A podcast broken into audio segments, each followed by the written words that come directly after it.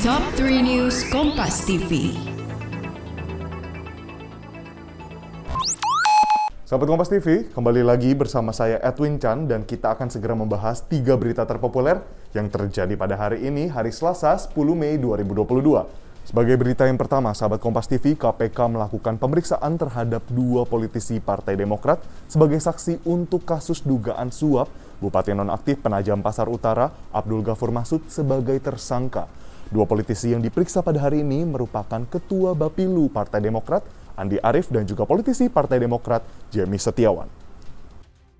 Politisi Demokrat Jemi Setiawan menjalani pemeriksaan KPK selama tiga jam – Jamie mengaku diperiksa oleh penyidik KPK terkait mekanisme musda.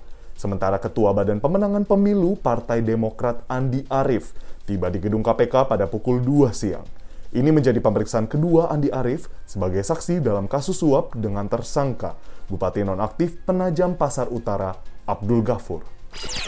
Jumpa lagi bersama saya Aiman Wicaksono. Izinkan saya untuk berbagi cerita menarik dan berkesan selama penggarapan program Aiman Kompas TV yang belum pernah saya ceritakan sebelumnya. Eksklusif di podcast Aiman. Dipersembahkan oleh Medio by KG Media, siniar cerdas tanpa batas. Eksklusif di Spotify dan YouTube Trusty Official. Sahabat Kompas TV sebagai berita yang kedua, pertemuan antara Gubernur DKI Jakarta Anies Baswedan dan Gubernur Jawa Tengah Ganjar Pranowo menjadi sorotan. Keduanya mengklaim tidak ada pembicaraan khusus dan hanya berbincang sebagai teman yang sudah lama kenal.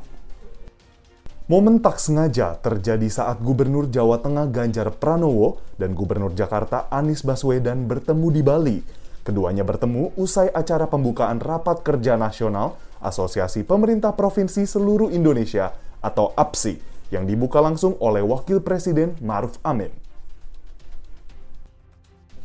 Dan sebagai berita yang terakhir, sahabat Kompas TV, Polda Daerah Istimewa Yogyakarta menangkap tersangka kasus pengeroyokan dan juga pembunuhan terhadap dua mahasiswa di Seturan, Sleman, Yogyakarta.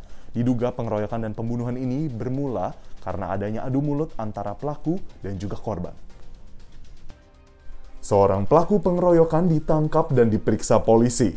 Dari pemeriksaan diduga pengeroyokan dan pembunuhan dua mahasiswa berawal dari masalah yang sepele. Satu korban adalah mahasiswa Institut Seni Indonesia dan seorang lagi mahasiswa Universitas Atmajaya. Kejadian berawal saat korban dan pelaku tak mau mengalah memberi jalan saat melintasi di lokasi kejadian. Adu mulut itu berujung pengeroyokan dan penusukan dua korban mahasiswa.